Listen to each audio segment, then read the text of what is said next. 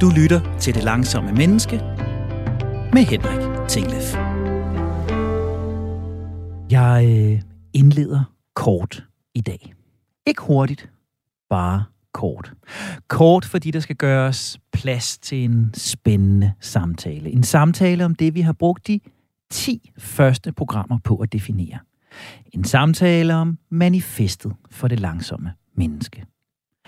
Vi har talt med 20 eksperter.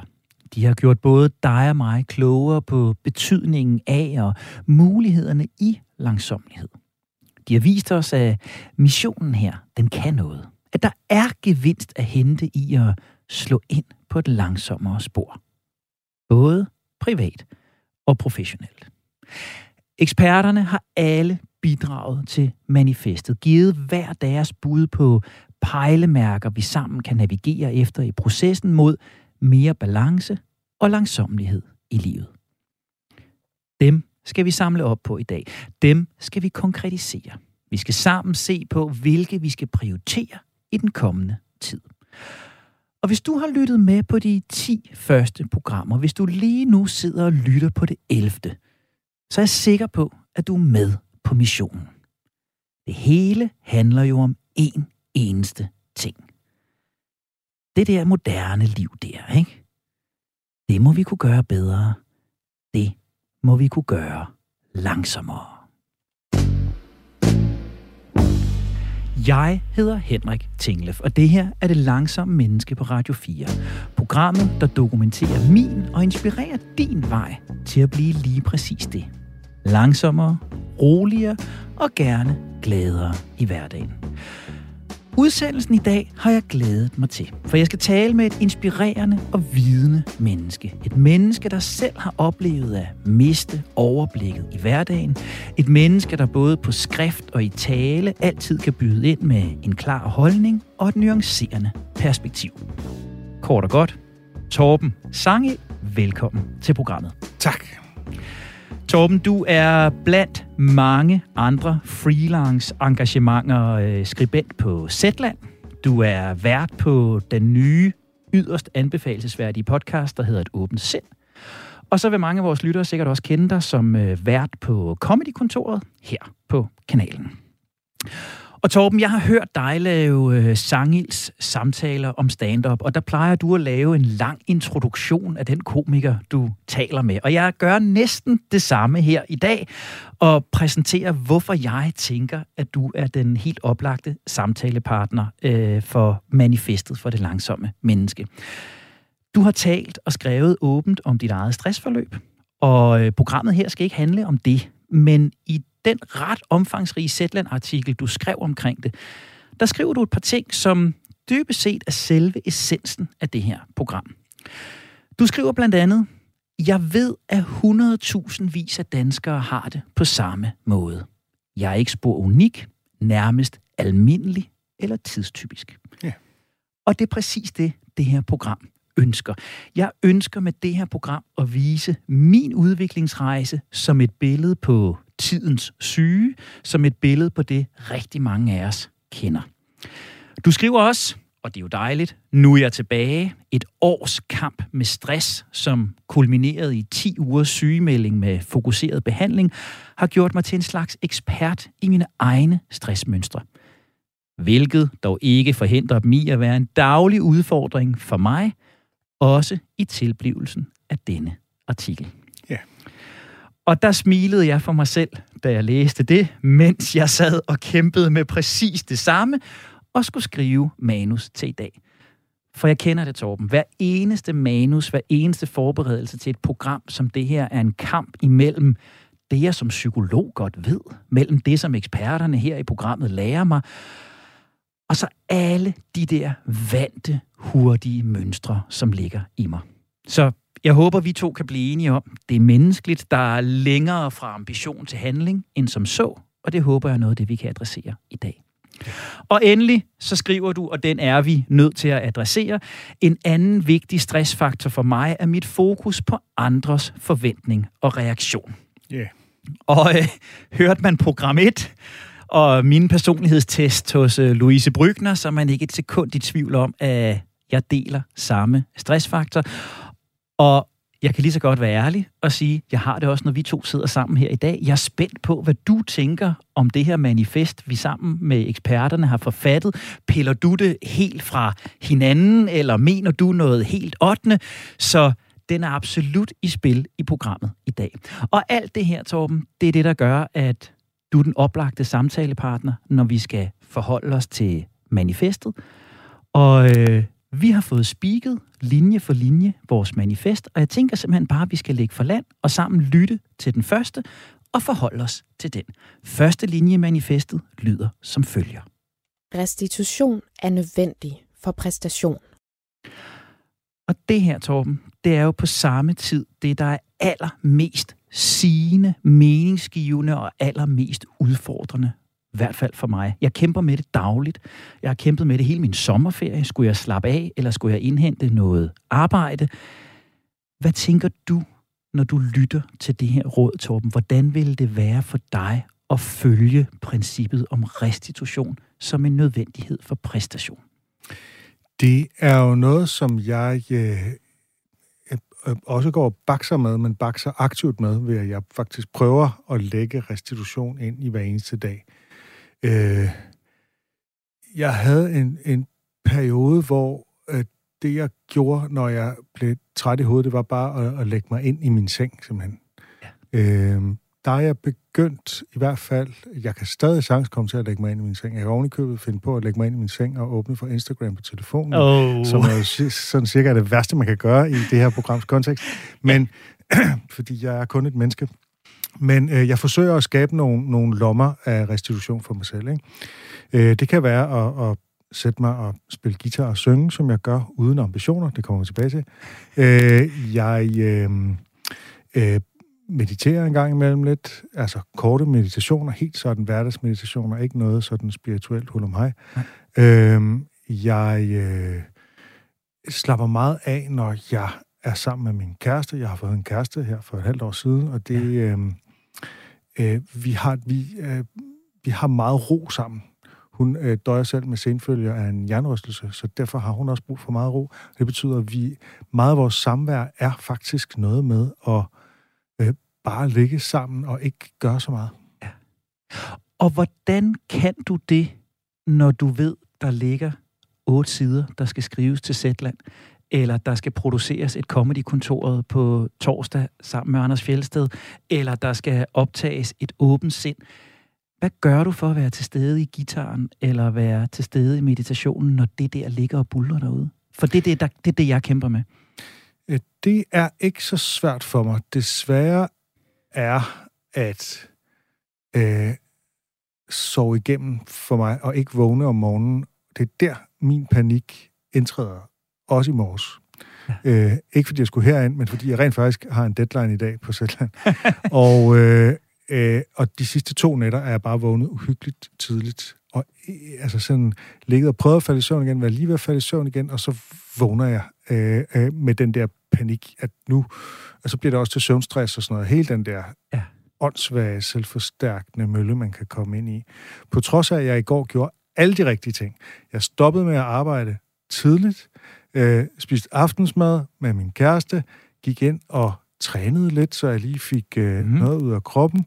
Øh, øh, havde øh, dejlig sex med min kæreste, og mediterede oven i købet, inden vi gik i seng. Ja. Øh, så altså, jeg gjorde alle de rigtige ting. Jeg restituerede hele aften, og alligevel vågnede jeg i morges klokken halv seks, øh, og kunne ikke falde i søvn igen. Nej.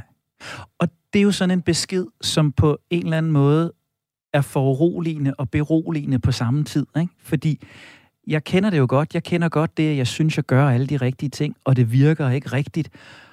Og så kan jeg have lidt lyst til at give op og sige, at det var måske et forkert råd, eller hvad der er i vejen med mig, siden det ikke rigtig fungerer. Men, men hvis jeg nu deler med lytteren, at jeg kender det der, du deler med lytteren, du kender det der, så er det vel bare at konkludere, at, at en svale gør ingen sommer, men, men et nederlag gør, gør heller ingen katastrofe. Det er måske et spørgsmål om gentagelser i det her.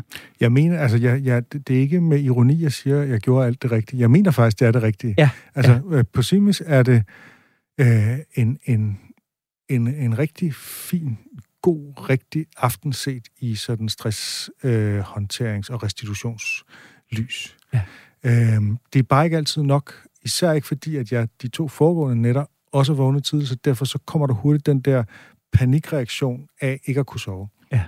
Øhm, men selve restitutionen mener jeg var helt god og rigtig, og som den skulle være.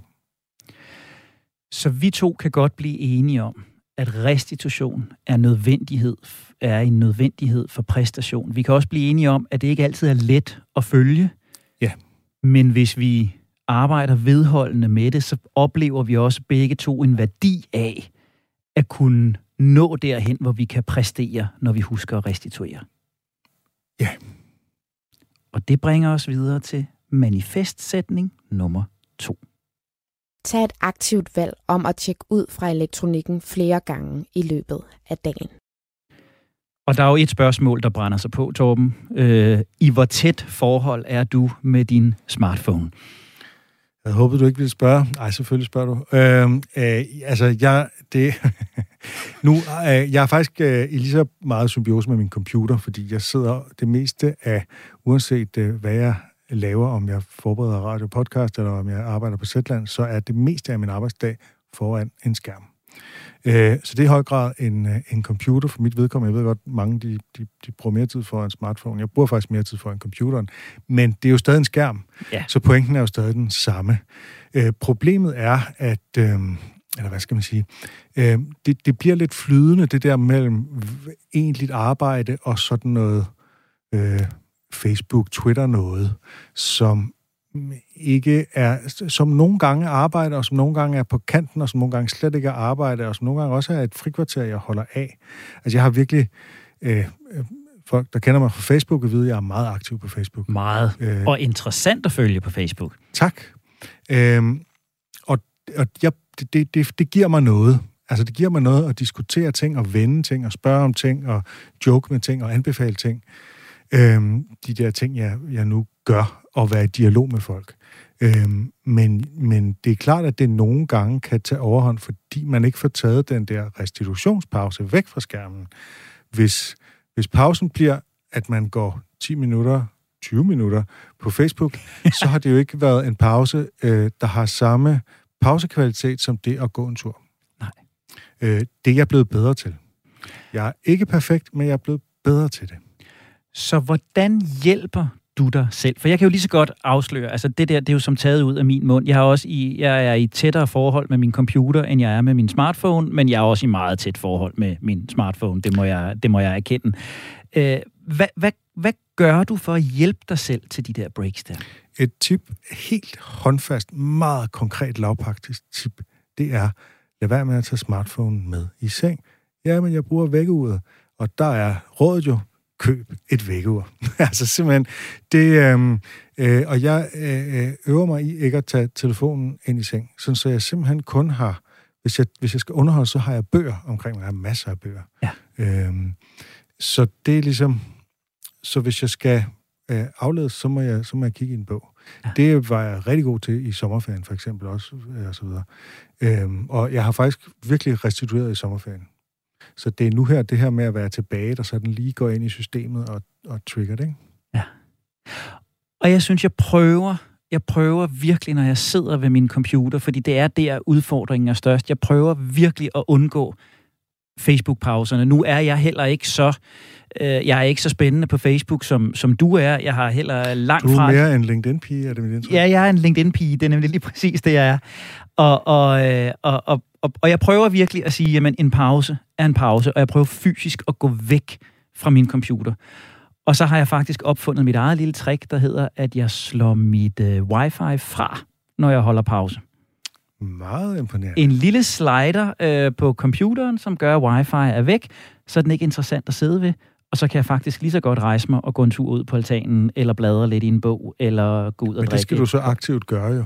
det skal jeg aktivt gøre. Det skal jeg. Jeg har også sådan et lille plug-in til Chrome, der hedder Pomodoro, tror jeg simpelthen bare det hedder, øh, som lukker for øh, sociale medier i 45 minutter ad gangen. Så der kan jeg simpelthen ikke komme på Facebook og Twitter i 45 minutter. Nej. Som så også, så, så er det, nå nej, og så går jeg bare tilbage til arbejdet, for eksempel. Ikke?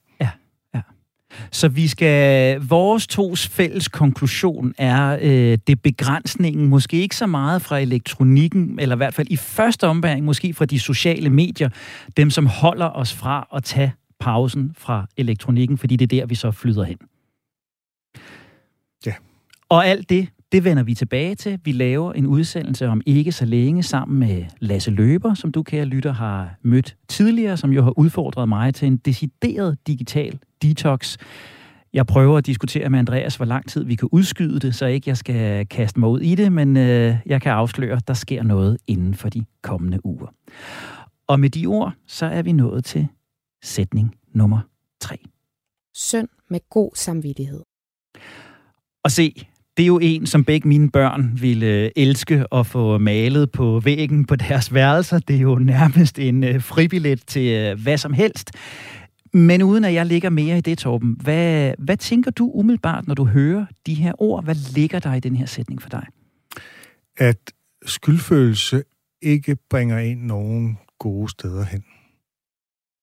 At altså, det her med at være rigid omkring ting, og så øh, øh, Øh, øh, skiftes med at gå ind i en eller anden dårlig vane, og så bagefter øh, føle skyld over, at man gjorde det, og, og bebrejde sig selv osv., det er jo, det er jo altså nærmest øh, en opskrift på stress, ikke? Ja. Og jeg tænker, for mig, igen, hvis vi vender tilbage til program 1, så har jeg jo en ret høj grad af præstationskrav til mig selv, en ret høj grad af perfektionisme i min performance.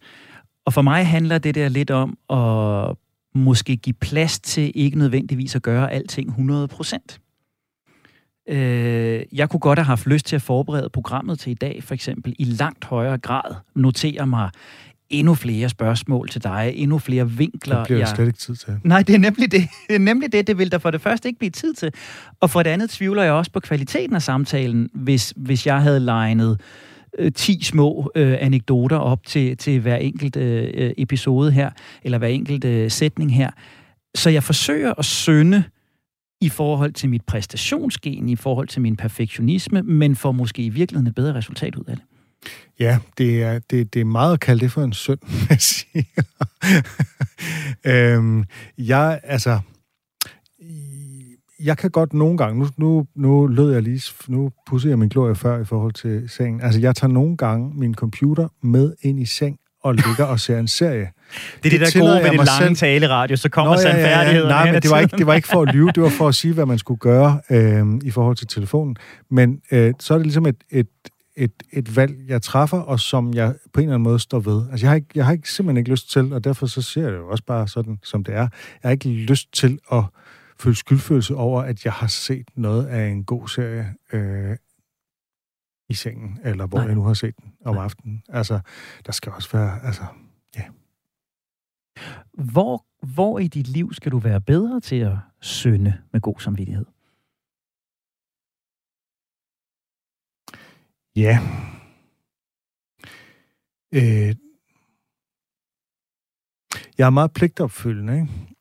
Øhm, og det kunne måske være sådan noget med at ikke selv tage det så tungt, hvis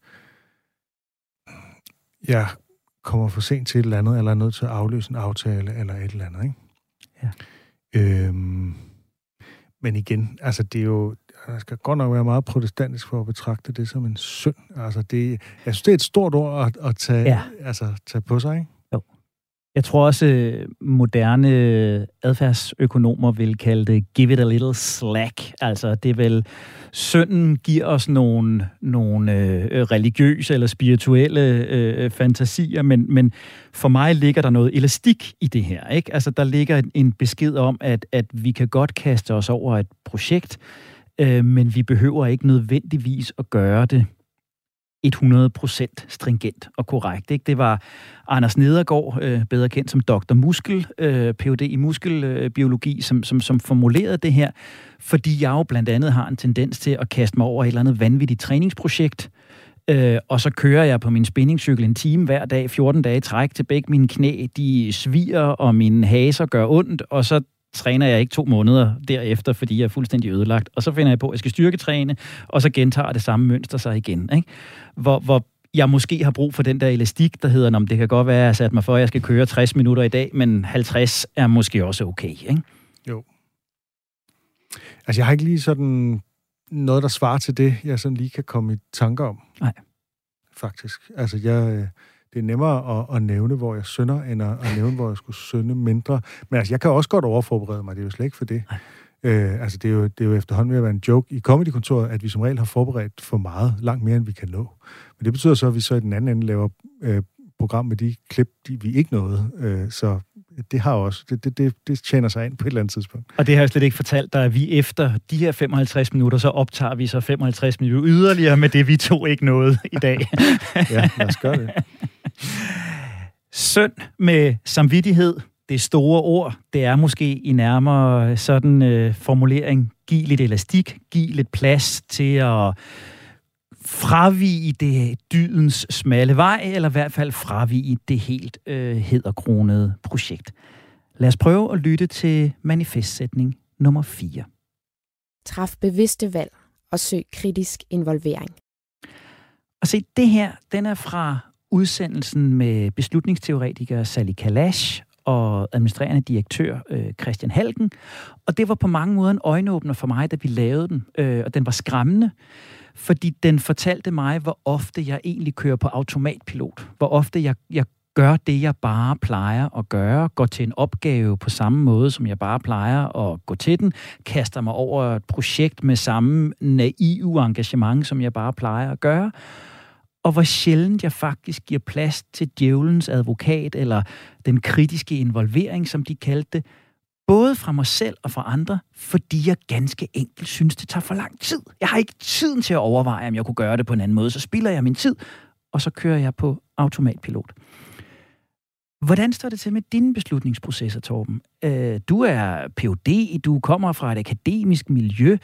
Er du god til at stoppe op, reflektere, overveje og træffe bevidste valg, eller kender du også det her med, at du når at handle eller svare lidt for hurtigt, inden du har tænkt igennem?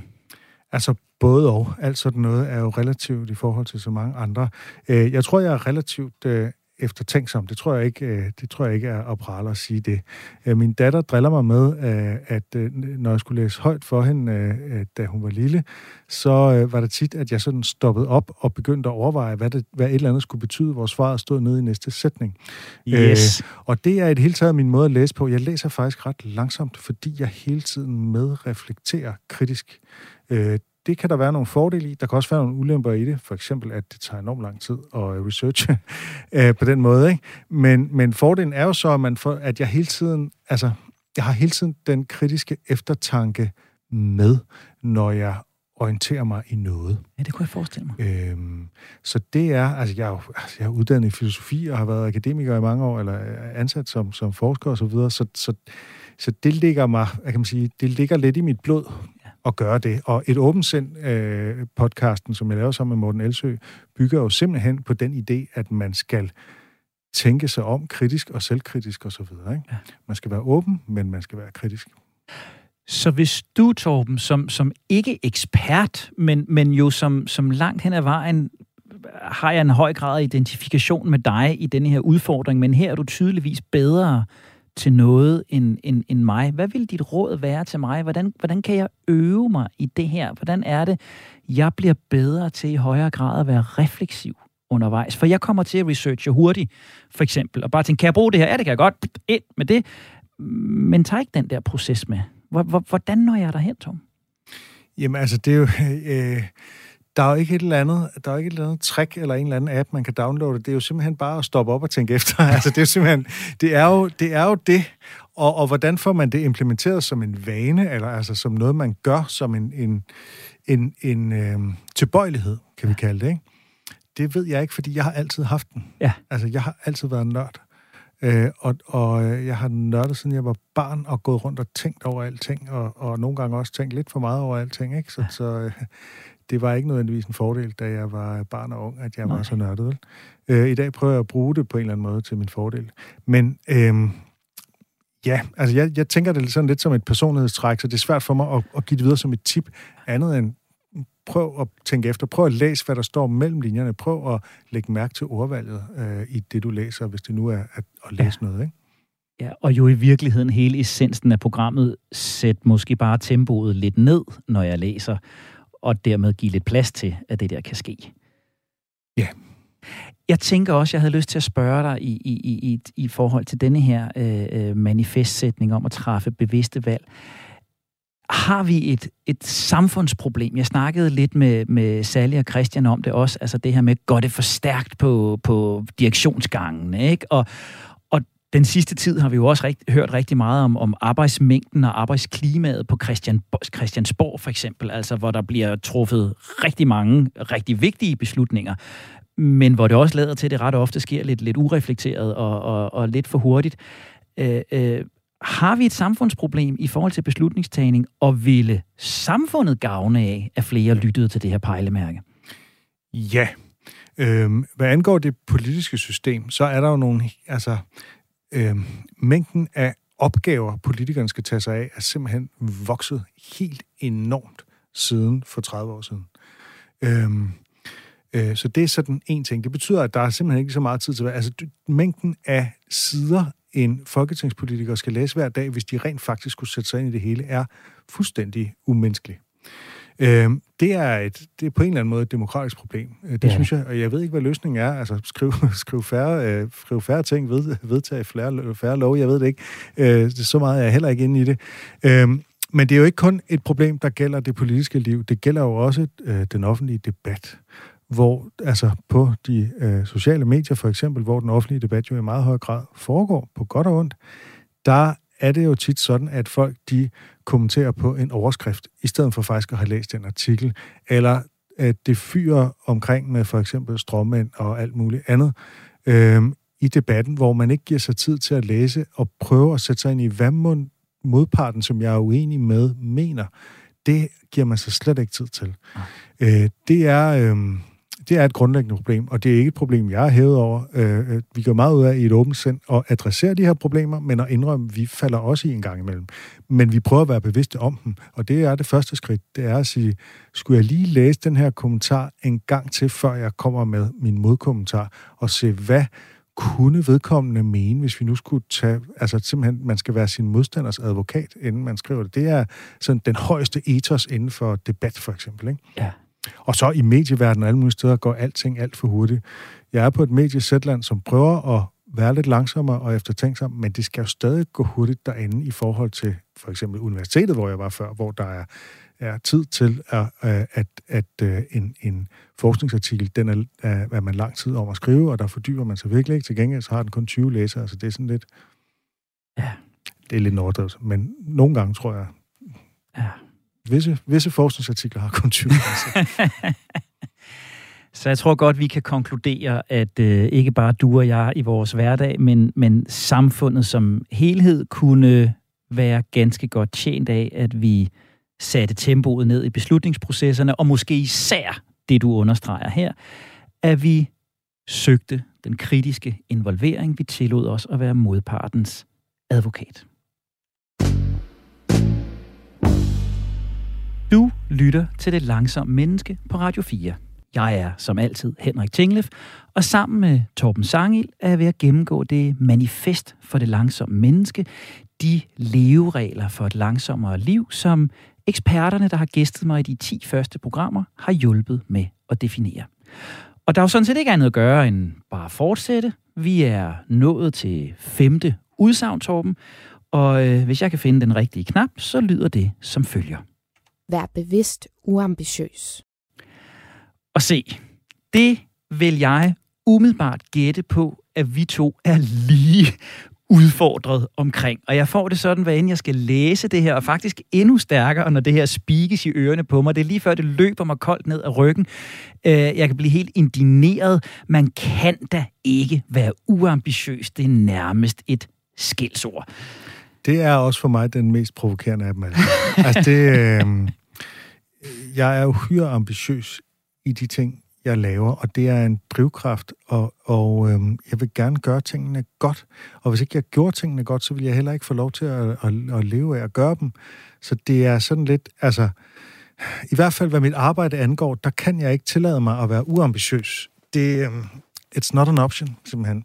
Og det er jo Dennis Nørmark, der har, øh, der har sagt det, ja. øh, kan jeg se her. Og ja. øh, jeg kender ham øh, lidt, øh, og, og han har jo altså været med til at skrive den her bog om pseudoarbejde og sådan noget, ikke? og det synes jeg er yderst prisværdigt.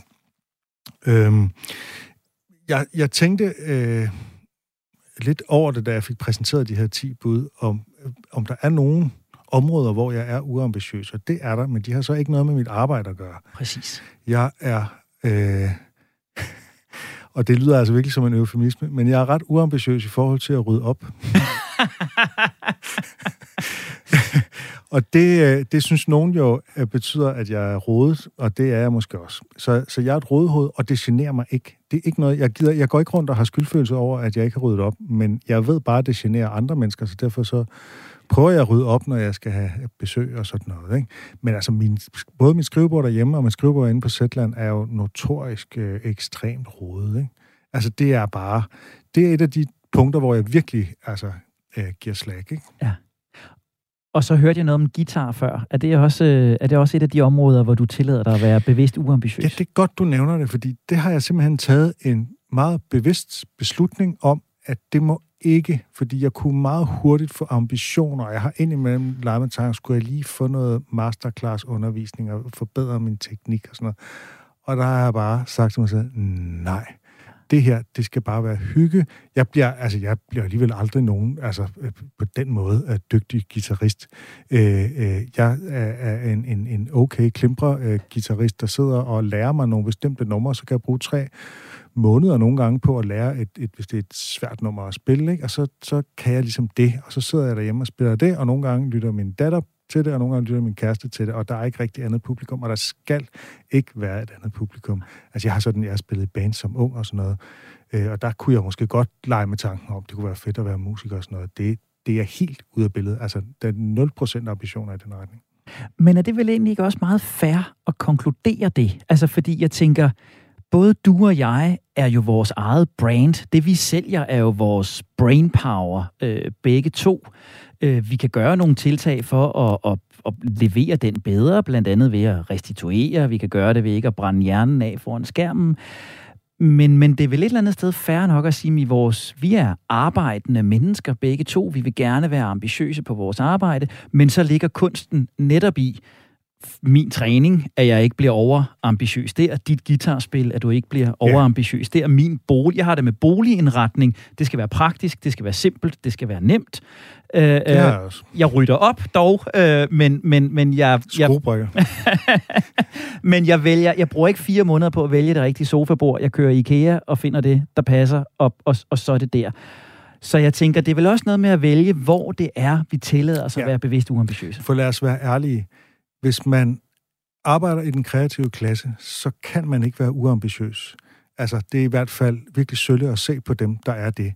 Så, så, øh, og Dennis Nørmark er også hammerne ambitiøs, hvad angår hans arbejde. Øh, så, så det er jo ligesom bare, der, der, der, der skal vi være ambitiøse, ellers så skal vi finde et andet job, som er et rutinepræget job. Det er der jo nogen, der har det godt med, men det har jeg det ikke godt med, og jeg tror heller ikke, du har det. Jeg er sikker på, at Dennis Nørmark heller ikke har det godt med rutinejobs. Og den lader vi stå og gå videre til sætning nummer 6. Skab små opmærksomme justeringer i åndedrættet og skab store forandringer i livet. Og det er store ord, men det er en, vi tager helt kort, for vi kommer til at vende meget mere tilbage til åndedrættet i øh, denne her udsendelsesrække. Jeg skal træne med Mie, og I kære lyttere skal nok komme til at følge med. Så mit spørgsmål er egentlig meget enkelt, Torben. Fylder dit åndedræt i dit liv, udover du ganske givet trækker vejret adskillige gange om dagen, men bruger du bevidst opmærksomhed på dit åndedræt? Og svaret er ja. Her der kan jeg virkelig pusse min glorie, for hvis der er noget, jeg gør, så er det at være opmærksom på mit åndedræt. Altså, jeg vil ikke sige hele tiden, men mange gange om dagen og om natten. Altså, så det er en ting, jeg er uhyre opmærksom på. Det har alle mulige grunde. Øh, øh, øh, øh yoga og terapi og stresstræning og det ene og det andet. Øh, og åndedrættet er bare en fællesnævner der. Øh, så jeg kan for eksempel tage mig selv i nogle gange, at uh, nu, har jeg, nu, nu spænder jeg mit åndedræt, sidder helt op i halsen, og så kan jeg ofte, ikke altid, men ofte kan jeg bare sådan lige lave en enkelt vejrtræng, og så falder, falder det til ro. Øh, det er øh, helt centralt øh, for mig.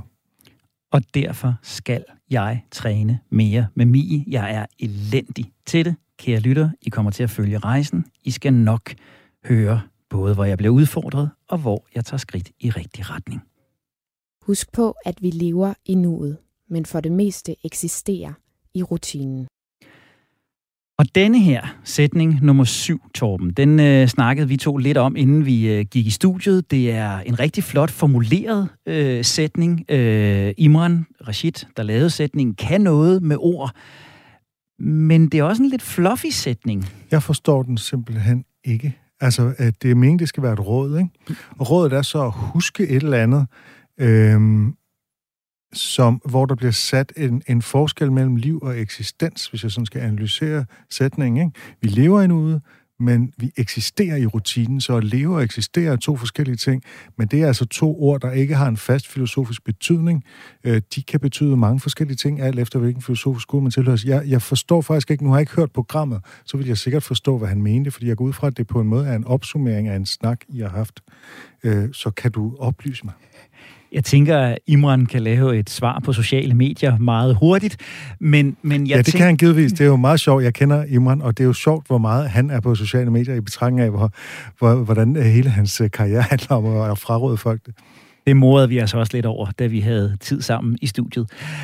For mig ligger der noget i øh, sætningen, som øh, går på, at øh, vi skal være bedre til at leve i nuet, være bedre til at bemærke det, der sker her og nu, være opmærksomme på det, der sker her og nu, være opmærksom på den samtale, der foregår mellem dig og mig, den, de nuancer, der kan være i det, det kropssprog, som du udsender, i stedet for at koble over på rutinen, som for mig nu kunne være at være mere opmærksom på, hvor er vi på tiden, hvor er vi i manus, øh, hvad får jeg af beskeder fra Andreas ude i regiet, øh, jeg skal have afviklet 55 minutters radio, men være til stede i relationen, i øjeblikket, i det, der er, Imran vil sige, mærkbart os to imellem. Ja. Og det tror jeg, jeg er okay god til. Øh, I hvert fald i relationer med andre mennesker. Øh, jeg er måske ikke så... så øh, øh, jeg er ikke sådan øh, super send i, i min omgang med ting altid. Øh, øh, så, men i forhold til andre mennesker, der øh, i hvert fald, hvis der er basis for en god kommunikation, så er jeg ret lyttende og empatisk og øh, læser signaler hos dem, jeg taler med. Øhm, også når jeg er radiovært og sådan noget, ikke?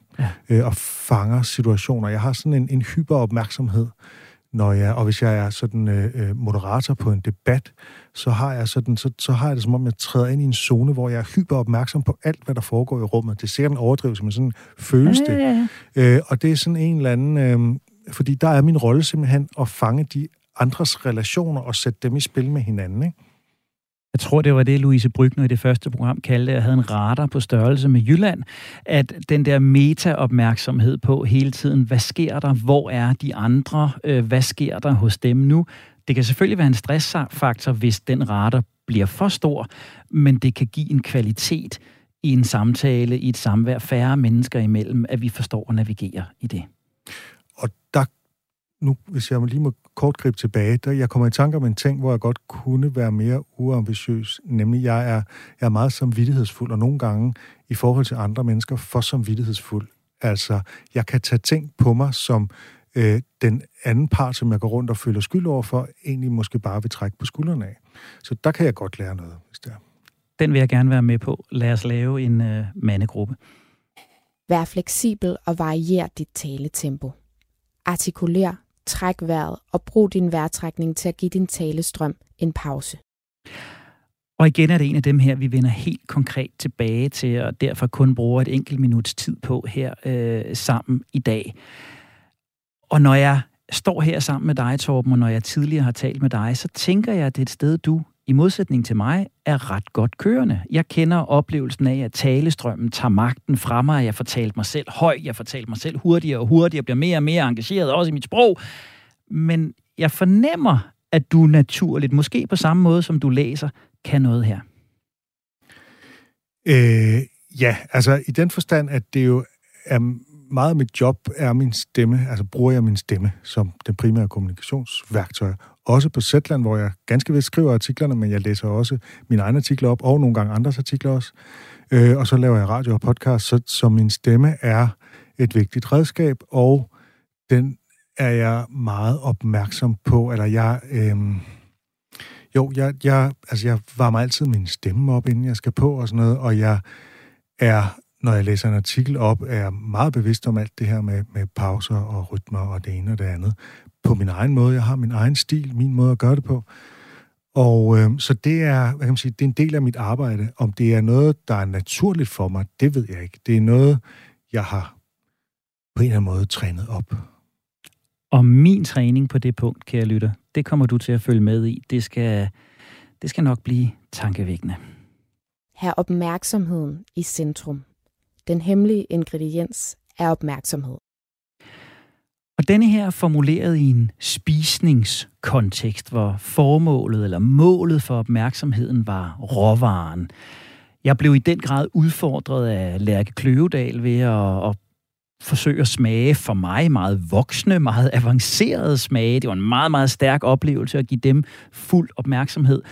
Men det har faktisk også givet mig en opmærksomhed på opmærksomheden i andre kontekster. Øh, øh, når jeg er sammen med mine børn, når jeg er færdig i naturen, og forleden dag stod jeg ude i mit køkken og pludselig grinede af, at det var første gang, jeg egentlig havde set, hvordan min opvaskermaskine ren faktisk så ud. Så, så hvor god er du til at være opmærksom, Torben? Kan du øh, blive fuldt opslugt, eller er du, ligesom jeg kan have tendens til, før jeg fik opmærksomheden på det her, også hurtigt videre? Det kommer lidt an på, hvad det er, men der er helt sikkert mange ting, hvor jeg ikke er særlig opmærksom. Den minder jo lidt om øh, den anden her med at leve i nuet, ikke? Præcis. Og øhm, et, der, altså, hvor jeg sagde, at i forhold til, til ting er jeg ikke så send nødvendigvis. Og nu, øh, når vi taler om mad, jeg spiser hurtigt. Det jeg også. træner jævnligt, og så, øh, ligesom når du spinder, øh, så hurtigt kommer jeg bort fra det igen og tykker maden x antal gange. Øh, jeg kan komme med alle mulige dårlige undskyldninger om, at jeg er vokset op med to forældre, der også spiser hurtigt, og som begge to er vokset op på landet, og hvor det var mad, det var noget, der skulle tages ind på os, inden man skulle ud og malke kvædet, eller hvad det var, de lavede. Og øh, så derfor så, altså, øh, jeg er simpelthen opdraget med, at øh, spisning er noget, der foregår i et rimelig højt tempo. Og øh, der kan gå noget af den sanslighed tabt jo. Øh, man kan selvfølgelig godt argumentere for, at der ligger en sanslighed i at proppe munden, ikke? men, øh, men det er jo så, det er jo ikke den, øh, det er jo ikke den, den, det er jo sådan en lav, øh, lavsanslighed, ikke? Hvor øh, Lærke givetvis vil plædere for sådan en form for højsanslighed, hvor man virkelig smager igennem uden at tykke så meget, og hvor man har en masse små portioner og noma og det ene og det andet. Det kan jeg garantere Øhm, dig for. Og, og øh, ja, så det er, en, det, er en, det er en længere historie. Altså, min, min kæreste tog fat i mig i går, øhm, og sagde, at hun synes, at jeg for tit, øhm, ikke når jeg var sammen med hende, heldigvis, men, men i andre situationer, når jeg skulle et eller andet, så, øh, så proppede jeg mig med information, for eksempel ved at lytte til podcast eller et eller andet, mens jeg laver mad, i stedet for bare at stå og lave mad. Øhm, og det gør jeg. Og og det, det sagde hun ikke for at kritisere mig, øh, selvom jeg straks gik i forsvar. Det sagde hun for, øh, som, for at hjælpe mig i forhold til det her med stress og sådan noget. Ikke? Ja. Øhm, og jeg synes nok lidt, at rutiner er kedelige, og jeg synes, at podcast er spændende, og derfor så er det et svært valg for mig at sige, øh, for eksempel klokken lort om morgenen, og stå og sige, nu laver jeg bare havregrød, og så står jeg og kigger ned i den her havregrød og ser havregrynene opløse sig, men mens jeg taler om det nu, kan jeg godt høre, at det er præcis det, jeg skal, fordi det er jo egentlig en interessant proces, hvordan de her havregryn, de øh, opløser sig og bliver til en grød. Og jeg doper mig med podcasts på fuldstændig samme måde som dig. Jeg laver også havregrød om morgenen, og jeg øh, i morgen tidlig vil jeg stille mig og kigge på grynene opløses, og så vil jeg sende dig en hilsen, Torben. Så vil jeg også gøre det. Det er en aftale. I Det er en aftale. I morgen gør vi det. Vi tjekker ind i morgen. Det er simpelthen en aftale. Målet er at blive din egen bedste læge. Vær opmærksom og nysgerrig på, hvordan du rent faktisk har det, og udvis modet til at handle på det. Og det her er jo for mig næsten essensen af det hele, øh, essensen af min egen store udfordring, virkelig at mærke efter, hvordan jeg har det. Ikke fylde mig med information, ikke fylde mig med mad, ikke fylde mig med travlhed, men rent faktisk bare mærke, erkende og ændre, hvis jeg ikke har det, som jeg gerne vil have det. Er det noget af det, du er blevet bedre til i forlængelse af dit stressforløb, Torben? Eller hvor god er du til at mærke efter, hvordan du rent faktisk har det? Jeg er ret god til... Jeg har gået i terapi i mange år, øh, sådan on and off. Øh, og øh, en, en form for terapi, hvor man rent faktisk øh, mærker meget efter. Man sidder ikke bare og snakker. Øh, og det betyder, at jeg er faktisk blevet ret god til at mærke efter, hvordan jeg har det, i hvert fald følelsesmæssigt. Øh, og jeg er også ret god til at tale om det. Jeg er meget åben, jeg er meget ublufærdig omkring mine følelser. Øh, det tror jeg er en god ting.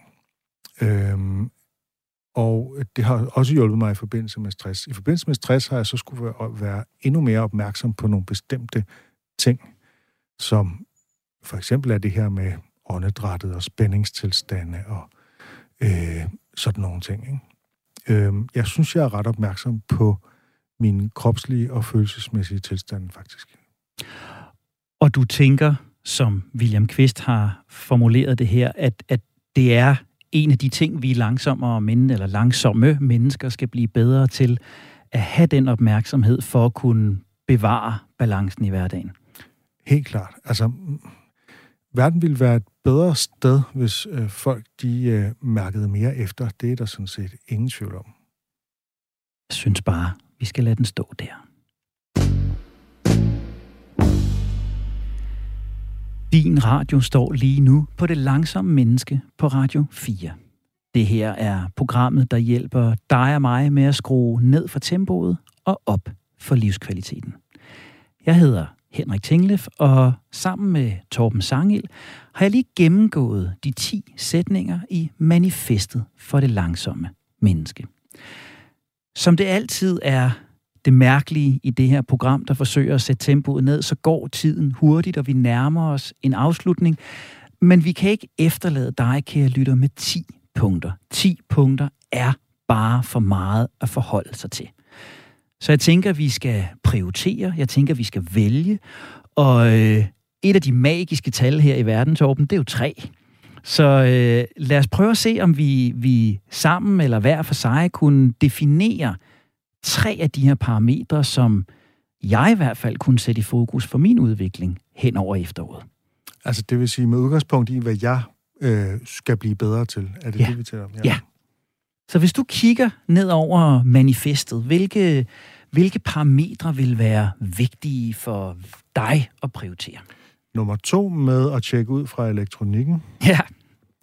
Den, øh, den kan jeg helt klart blive bedre til.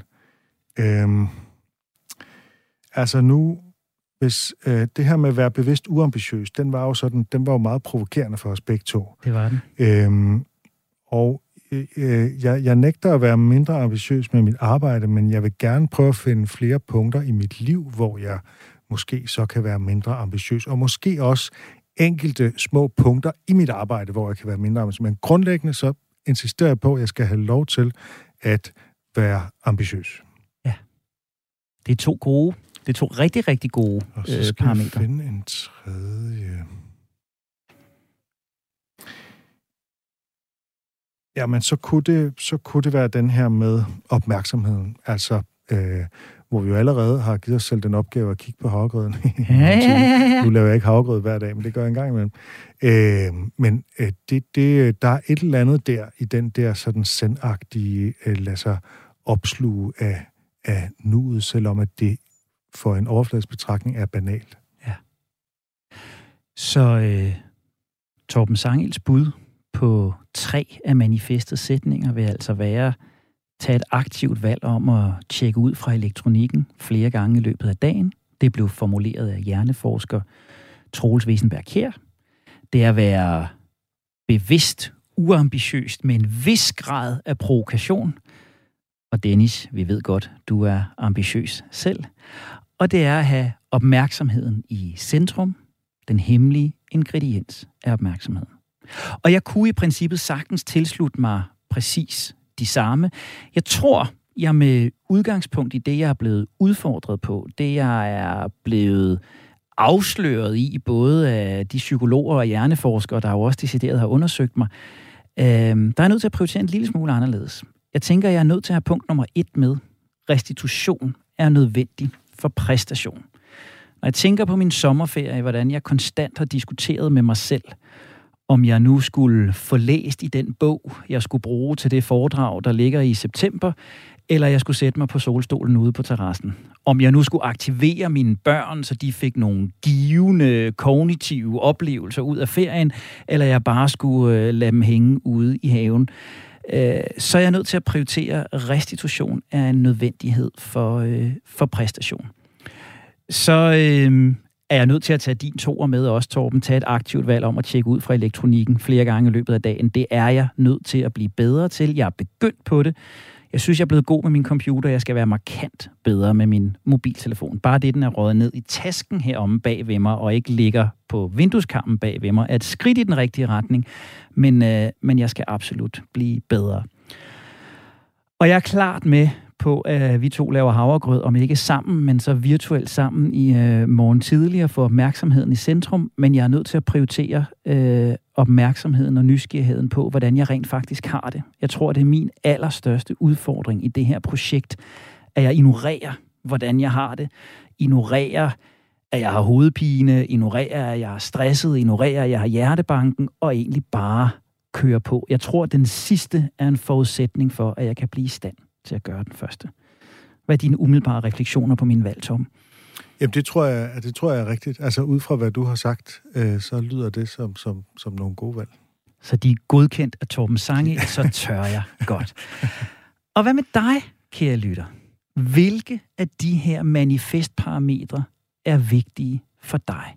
Hvilke skal du fokusere på? Hvilke skal du prioritere? Hvilke skal du navigere hen over efteråret? Jeg deler mine på alle mine sociale medier under hashtagget Det Langsomme Menneske. Torben er velkommen til at gøre det samme med sine. Og har du lyst, kære lytter, så synes jeg, du skal gøre det samme. Du kan dele dine valg, dine prioriteter, enten direkte med os på e-mailen langsom radio4.dk, som du kender i forvejen, eller ved at bruge det samme hashtag, det langsomme menneske, og dele dine valg. Torben Sangel, jeg var øh, spændt på vores samtale.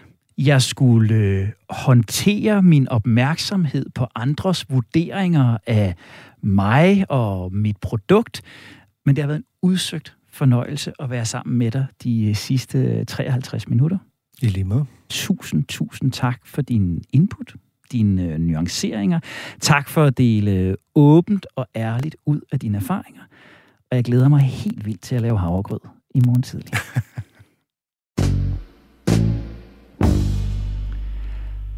og dermed så bliver der ikke flere ord herfra i dag. Vi er i mål med hele grundfundamentet for det langsomme menneske. Vi har skrevet vores manifest. Vi har manifesteret vores manifest. Vi har prioriteret vores manifest.